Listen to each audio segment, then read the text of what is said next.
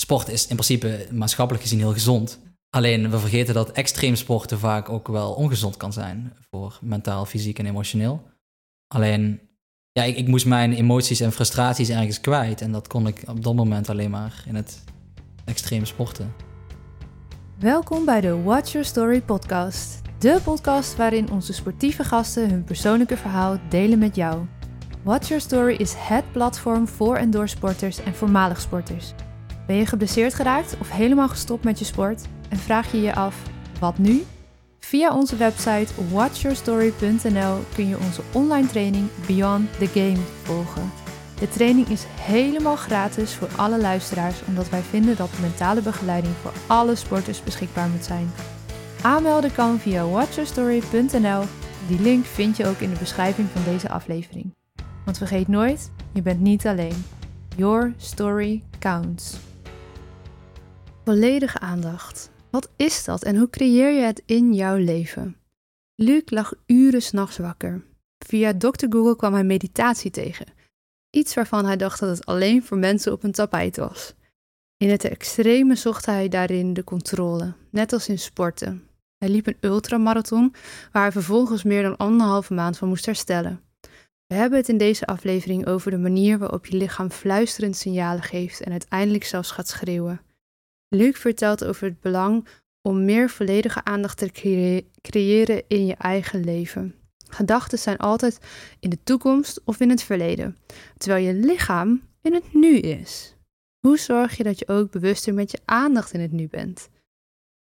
Ben je een gepassioneerd sporter die gedwongen moest stoppen of met een blessure kampt en vraag je je af wat nu?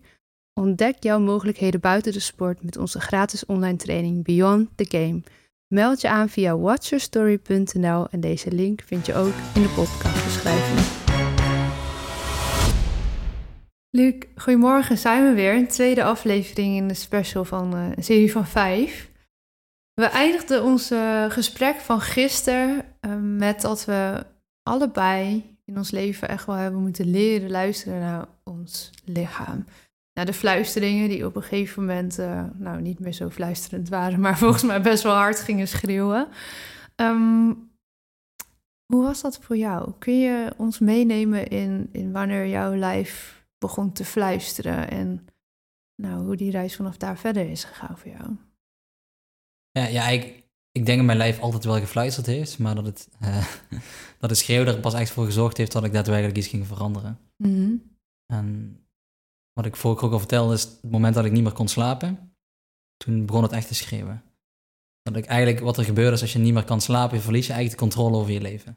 Van, ja, want wat, gebeurt, wat gebeurt er als je niet meer kan slapen? Want er zijn vast mensen die luisteren die daarmee hmm. te maken hebben, maar ik heb dat zelf niet zo extreem ervaren. Kun je dat delen? Wat, wat gebeurt er dan met je?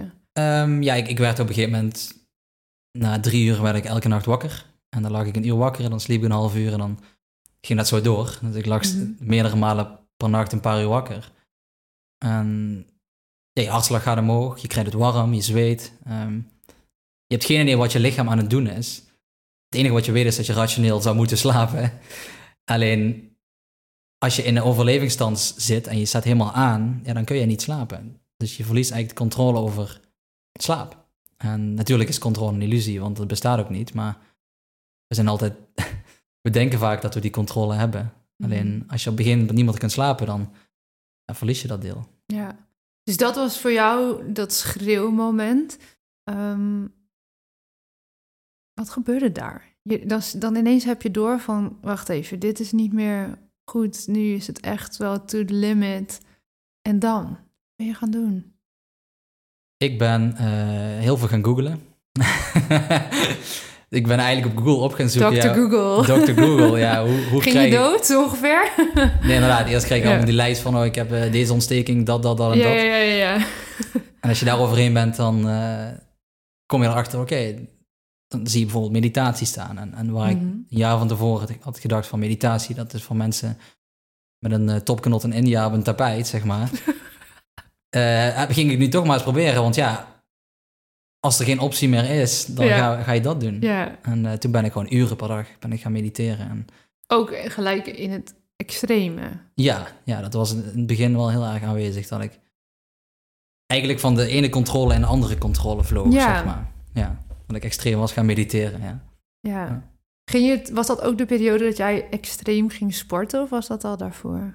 Of juist? Ehm, dat, dat ging een beetje samen. ja. Ja, dat het extreme sporten, dat, dat hoorde daar ook bij, omdat ik... ehm, ja, ik, ik zat in een periode waarin ik bewust gezonder wilde gaan leven. Dus minder gamen, minder alcohol. En sport is in principe maatschappelijk gezien heel gezond. Mhm. Alleen we vergeten dat extreem sporten vaak ook wel ongezond kan zijn voor mentaal, fysiek en emotioneel. Alleen, ja, ik, ik moest mijn emoties en frustraties ergens kwijt. En dat kon ik op dat moment alleen maar in het extreem sporten. Ja. Wat ging je doen? Ik ben begonnen na, na mijn voetbaltijdperk, ben ik begonnen met eh, wielrennen. Ehm, daarna heb ik de triathlon opgepakt. En dat is op een gegeven moment is dat in ultramarathon lopen gaan... eh, En nou heb Veranderen. ik iemand geïnterviewd over ultramarathon Mhm. en jullie kennen elkaar. Maar voor eh, de luisteraar die dat misschien niet heeft beluisterd, dat interview. eh, ultramarathon, kun je nog heel even aanstippen hoe ver is dat ook alweer? In principe is een ultramarathon alles langer dan 42 kilometer. Dat is dan een marathon. Oh, oké. Ja. Ja. hij had het echt over volgens mij 70 kilometer of zo. Of, ik ja, al had inderdaad meer. 100 kilometer Oh, gelopen. 100 zelf. Ja. My gosh. Ja, en, maar jij ging dat doen. Hm. En ongeacht van de afstand, wat, wat dacht je daar te vinden? Ik wilde mijn angst aankijken. Omdat ik ehm, in het proces van niet meer kunnen slapen, werd ik op een gegeven moment bang voor slapen. Mhm. Dus altijd als de dag daarna iets was wat belangrijk voor mij was, kon ik al niet slapen, omdat ik bang was voor de toekomst. Ja. En ik wilde die angst aankijken, want ik wilde gewoon kunnen slapen en ik wilde niet meer bang zijn voor het leven.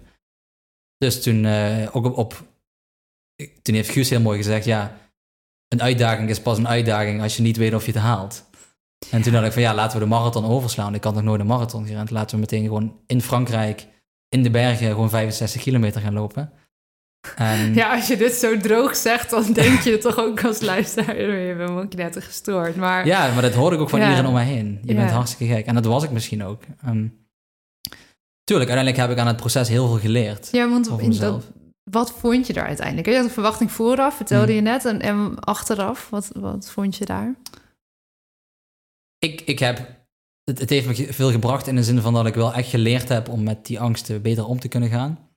Ja. Dat ik mezelf op een gegeven moment zo ver pushte dat ik op een gegeven moment ook meer vertrouwen kreeg in mezelf. Van ja, je kunt het. En die ultramarathon, net als elk ander sportevenement in mijn leven, is gewoon, ging gewoon perfect. Ik bedoel, ik haalde dat gewoon met vlag en wimpel, omdat ik gewoon... Daar lag mijn kwaliteit. Gewoon mijn lichaam onderdrukken en mijn lichaam niet voelen. En gewoon als een debiel gewoon gaan totdat je erbij neervalt, zeg maar. Viel je er wanneer daarna of viel dat nog een beetje ja, mee? nee, letterlijk. Want en dat geeft ook aan wat de kracht van je hoofd is. Ik, ik voelde me zo prima eigenlijk tijdens de ultra. En, en toen ik daar s'avonds om acht uur over de finish kwam, nog geen vijf minuten later stond ik te kotsen. En kon ik niet meer lopen. Ja. Dat, dat- omdat gewoon, als je op een gegeven moment de finish bereikt hebt, dan is dat hoofd niet meer nodig. En dan in één keer gaat je lichaam weer aan. Ja, Dan voel je weer wat er eigenlijk aan de hand is. bizar eigenlijk, hè? Hoe sterk je mind dan ook Mm. kan zijn in Ja. al die lichamelijke dingen onderdrukken en dus moeiteloos de finish halen. Ja. Eh, maar eigenlijk als je dan, nou ja, dus daarna gaat luisteren naar wat je lijf vertelt, was het helemaal niet zo moeiteloos. Dan was het Nee, een is- enorme nee. inspanning. Ik heb daar maanden van moeten herstellen, ja. ja. Echt maanden, joh. Ja, voordat ik echt weer... Ik had, ik had dus een ring die eh, de hartslagvariabiliteit meet. Ja. Dan kun je aan zien wat ongeveer je herstel van je lijf is. En dat echt anderhalve maand daarna was ze nog steeds niet op jeetje. origineel niveau. Ehm, dus ja, je mind is enorm sterk. Je lichaam is ook enorm sterk. Alleen, we zijn zo goed in het negeren van deze natuurlijke signalen. Ja. Eh, ja, dat, we overriden dat vaak. Ja, en wat we natuurlijk heel erg gewend zijn, en dat, dat is ook die, die shift waar jij zo voor, zo voor pleit in de maatschappij, dat we gewend zijn om het dan maar te onderdrukken met inderdaad medicatie of het, het mag er niet zijn. En ehm, ja, hoe mooi is het als we dus wel leren luisteren naar je lijf, of dat nou door middel van ademhaling is of op welke meditatie of welke manier werkt voor jou.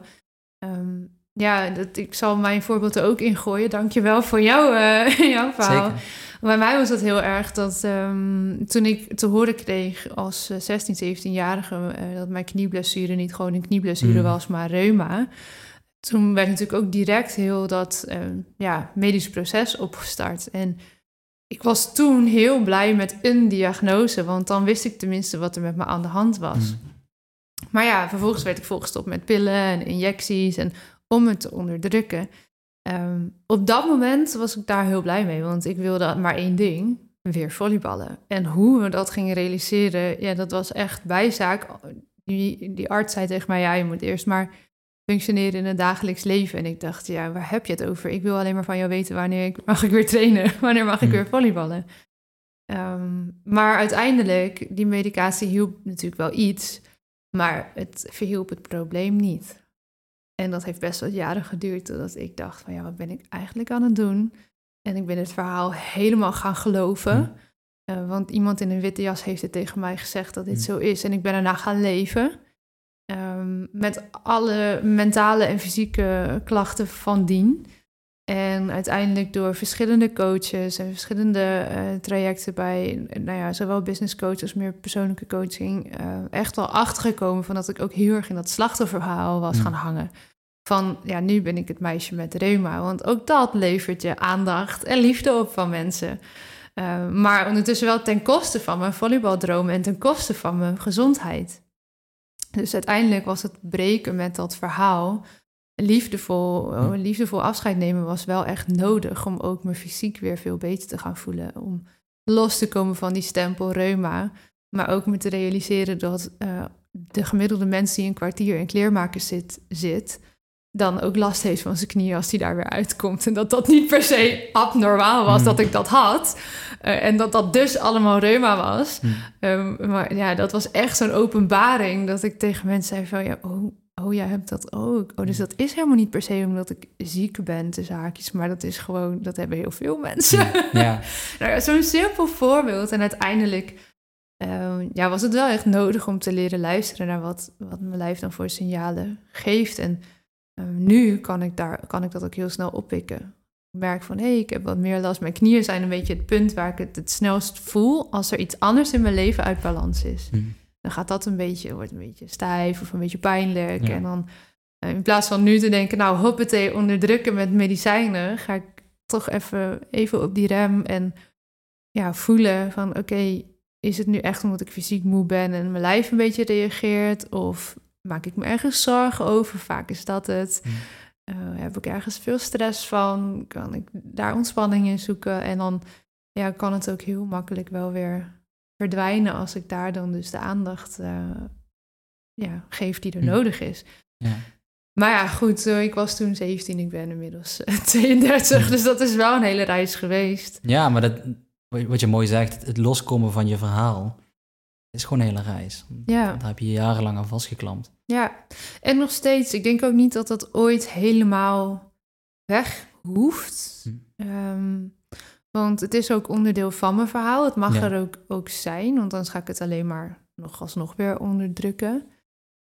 Maar ja, je hebt nu wel je, je manier gevonden om daar ja, zinvol mee om te gaan in plaats van, eh, van dat onderdrukken. Ja. En ik vind wel, en wat jij, waar jij ook heel erg voor pleit, eh, van dat we dat als maatschappij, eh, die focus mogen verleggen. Natuurlijk, we zijn allemaal super blij dat het ziekenhuis er is met de beste chirurgen en artsen op het moment 100%. dat je ze nodig hebt. Is natuurlijk, ja, dat is iets in, in, in Nederland waar we heel, heel dankbaar voor mogen zijn. Eh, en tegelijkertijd zie ik wel een parallel van, oké, maar als er dan iets is, wat, eh, wat zit daar dan nog onder misschien?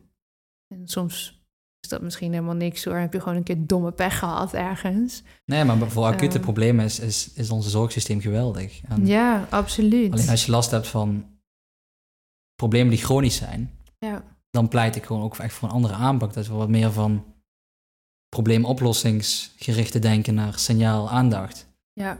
Dat is ehm, ja, wat weinig mensen gewend zijn, wat ik nooit, ook nooit gewend was, wat heel logisch is. Nee, maar weet je wat het is? Het levert de hele zorg eh, te weinig op. Ja, het, En er klopt. wordt gewoon Ja. te veel geld verdiend met mensen die ziek zijn. En er is denk ik ook te weinig tijd voor heel veel artsen en specialisten en verzorgenden in welke vorm Ja. dan ook. Om dat echte gesprek aan te gaan. Want ik heb veel mensen om me heen in de medische wereld. Ehm, En die zeggen heel vaak van ja, weet je, we zijn natuurlijk wetenschappelijk opgeleid en medisch opgeleid. En dat is ook hè, het pad wat we volgen. Maar we zouden zo graag wat meer tijd hebben voor onze patiënten om dat gesprek aan te gaan. Want soms is een operatie niet eens nodig. Of is een, een bepaalde medicatie niet eens nodig. Maar omdat we vijf minuten hebben en je wilt toch die persoon helpen, ja, dan geven we maar dit of dan doen we maar dat. Hmm. En dat is best wel pijnlijk. Ja, zeker. Ja. Ja. Ja, dus ehm, ja, ik ben het met je eens. Met die, en het is niet makkelijk, denk ik, om dat te gaan veranderen. Maar laten we beginnen bij waar we invloed hebben, eh, hier en Ja. vandaag. Hier en nu. Ja. Ja, Ehm, misschien een mooi bruggetje naar wat jij nu bent gaan doen. Hè? Want je vertelde dat je ingenieur was. En eh dat ben je... Nee, je blijft het natuurlijk wel. Je hebt je diploma's. Ja, maar je diploma's, doet ja. inmiddels iets anders. Ja. En dat heeft alles te maken met adem. Kun je ons vertellen wat voor prachtig bedrijf jij bent gestart? Ja, ik ben een bedrijf gestart genaamd eh Brummels eh, Breathwork and Balance. En dat is in eerste instantie heel erg begonnen met puur ademhaling als, als tool gebruiken om te ontspannen, om verbinding met je lijf te vinden. En inmiddels ben ik dat ook uit het breiden naar, oké, wat, wat zijn de andere tools die we in ons lichaam hebben en die we kunnen gebruiken om wat meer veiligheid in ons eigen lichaam te vinden. En hoe kunnen we de communicatie met ons lichaam verbeteren, zodat we die signalen die ons lichaam geeft, weet je wel, dat fluisteren, zodat we die kunnen gaan opmerken. En als we ze opmerken, dat we dan nieuwe manieren hebben, en vaardigheden en tools, om daar op een gezonde manier aandacht aan te geven. In plaats van dat we een probleem hebben wat we op willen lossen. Oké, we hebben hier een perfect natuurlijk signaal. Je lichaam heeft een bepaald pijntje, een bepaald, of een mentale klacht, wat dan ook. Maakt niet uit of dat fysiek, mentaal of emotioneel is. Hoe kunnen wij vanuit daar, vanuit dat signaal, kunnen we aandacht aan onszelf gaan geven, zodat we er beter mee om kunnen gaan. Ja. Ja. En dat ben je nu dus naar je eigen reis eh, ja, helemaal fulltime gaan doen, toch? Ja, inmiddels eh, deze week toevallig een jaar. Ja, ja. ja, waanzinnig. Ja, ik heb een beetje vooraf mogen, mogen meekrijgen van jouw werk en mogen luisteren ook naar een mooie oefening. Zo waardevol en zo belangrijk, denk ik, om Mhm. die shift maatschappelijk, eh maatschappij breed Ja, zeker. ja, in gang te zetten. Je noemde net al even eh, aandacht en aanwezig zijn. Ehm, we hebben het natuurlijk wel vaak over, hè, we zijn niet meer met onze volle aandacht eh, ergens bij. We zijn constant afgeleid door, nou, you name it, telefoon, Netflix, eh, mensen, eh, drukte. Gedachtes. Gedachtes. de boodschappen moeten nog gedaan, de wasje Ja. moet nog eruit, de wasmachine, I don't know, van alles. Ehm, maar die volledige aandacht, als ik hier gewoon naar mezelf kijk, is wel iets wat, waar ik heel erg een verlangen op heb zitten. En ik denk met mij heel veel andere mensen, bewust of onbewust. Hm. Wat betekent aanwezig zijn voor jou? Laten we daar beginnen. Echt aanwezig Hm. zijn. Echt aanwezig zijn betekent voor mij dat je jezelf toestemming geeft om alles te ervaren wat er te ervaren valt. Dat je op dat moment. Kijk, wat ik vroeger altijd had, was dat ik continu in mijn hoofd zat. En in je hoofd ben je niet aanwezig, want je gedachten zijn of over de toekomst of het verleden. Hm. En het mooie van het lichaam is dat je lichaam altijd in het nu leeft. Dus je lichaam is altijd bezig met dit moment. Ja. En als ik mag ervaren wat mijn lichaam aangeeft, dus bijvoorbeeld een bepaalde klacht, een bepaalde emotie, een bepaalde gedachte, maar tegelijkertijd ook de rest van de wereld kan ervaren en kan zien van, oh, die vogel buiten die is mooi, of, of dat heerlijk zonnetje op mijn gezicht, dat voelt fijn. En als je met al die ervaringen aanwezig kunt zijn en bewust kunt voelen van, oké, dit is wat het is, en hiermee kan ik, kan ik werken, dan ben je aanwezig. En dus aanwezig zijn is voor mij ook heel erg bewustzijn. Dus en, en bewustzijn kun je ontleden in twee woorden, bewust en zijn. Hm. En het is niet anders dan, je bent je bewust van wat er is. In plaats van dat je in je hoofd bezig bent met wat er nog gaat zijn. Ja. Dat is iets heel anders, ja. Ja, en om vanuit daar dan dus ook bij die volledige aandacht te komen? Of zie je volledige aandacht dan nog weer als iets anders dan aanwezig zijn? Eh, nee, dat is eigenlijk hetzelfde. Ja. En bijvoorbeeld, wat ik, ja, wat ik heel erg, wat ik ook een beetje altijd aan moet lachen is, ik, ehm, toen ik in mijn opleiding van ademcoach zat, dan ga je, gaan we vijf dagen gaan we een soort van intern gaan we een opleiding doen. En er zijn allemaal mensen die met dit soort onderwerpen bezig zijn. En daarbij heel erg aanwezig met elkaar, want je hebt geen telefoon, je bent gewoon echt net luisteren naar elkaar, je bent bezig met je lichaam. Het voelt echt als een vakantie, maar dan nog, nog fijner. En op de terugweg toen uh, had ik zo'n honger dat ik besloot ben, om bij de McDonald's te gaan eten langs de snelweg. En ik ga er dan zitten en dan beland ik zo in een gekke wereld. Dat ik zie daar allemaal ouders met hun kinderen zitten aan een tafeltje bij de McDonald's. En die ouders zitten of op hun telefoon, uh, of ze zijn bezig met iets anders, met eten of weet ik veel wat, of met wat andere mensen doen om hem heen. En zo, zo weinig mensen hadden echt aandacht voor hun kind. Dat ze echt bezig waren met, met communiceren met dat kind. En ja, dat voelde zo gek. En later realiseerde ik me van, hé, hey, maar dit is eigenlijk onze hele wereld. Ja. We zijn continu bezig met afleidingen. En, en zowel extern als intern. Zowel de telefoon als, als je eigen gedachten is tegenwoordig beide een afleiding. En ik zat daar gewoon mijn, mijn lekkere Big Mac op te eten en ik dacht van, oh, dit is voelt gek. Dit is, niet, dit is niet waarom de mens hier op aarde is gebracht. Uh, ja, dat. Ja, wat een mooi beeldend voorbeeld uh, van twee uitersten van zo'n opleidingsweek waar je helemaal connected bent met ja. jezelf en anderen in volledige aandacht. En de hectiek toch wel vaak van een McDonald's met ja. kids en ouders. Ja. En, ja, mooi voorbeeld. Dankjewel. Ik denk dat we hem voor vandaag hier dan uh, kunnen afronden. En dan gaan we morgen weer een volgend stuk voor jullie opnemen rondom dit thema. Um, dankjewel voor vandaag. Tot de volgende. Tot de volgende. Dankjewel voor het luisteren naar deze aflevering van de Watch Your Story podcast. Ben je sporter of misschien wel ouder, trainer, coach of bestuurder van een sportvereniging? We komen heel graag met je in contact. Wij geloven dat geen enkele sporter of voormalig sporter er alleen voor mag komen te staan op een kwetsbaar moment zoals een blessure, buiten een selectie vallen of helemaal stoppen. Leegte, verdriet, boosheid, teleurgesteld zijn en onbegrip voelen, het is voor heel veel sporters herkenbaar. Misschien ervaar je momenten van paniek, eenzaamheid, schaamte, angst, machteloosheid of je niet goed genoeg voelen. Het zijn allemaal emoties die heel logisch zijn en die je niet hoeft weg te stoppen. De toekomst speelt of het leven dat je kende is weg, of het ziet er tijdelijk anders uit. Maar je sport was en is diep van binnen nog steeds jouw identiteit. Jouw verhaal doet ertoe. En daarom hebben wij met verschillende experts de online training Beyond the Game ontwikkeld. De training is helemaal gratis te volgen voor alle luisteraars, omdat wij vinden dat mentale begeleiding voor alle sporters beschikbaar moet zijn. Aanmelden kan via watchyourstory.nl en die link vind je ook in de beschrijving van deze aflevering. Vergeet nooit, je bent niet alleen. Your story counts.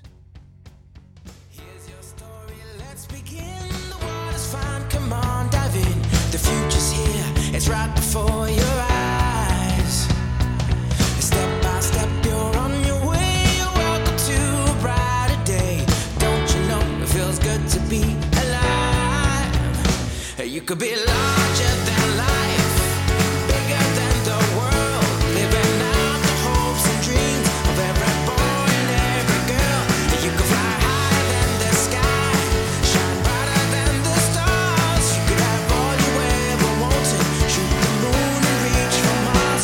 You could. Yeah, and times are changing everywhere. Do we dream and do we dare? It's up to you. The door is open wide. Feel the rhythm of today. Learn the part and join the play. The world is here. Let's take it for a ride. You could be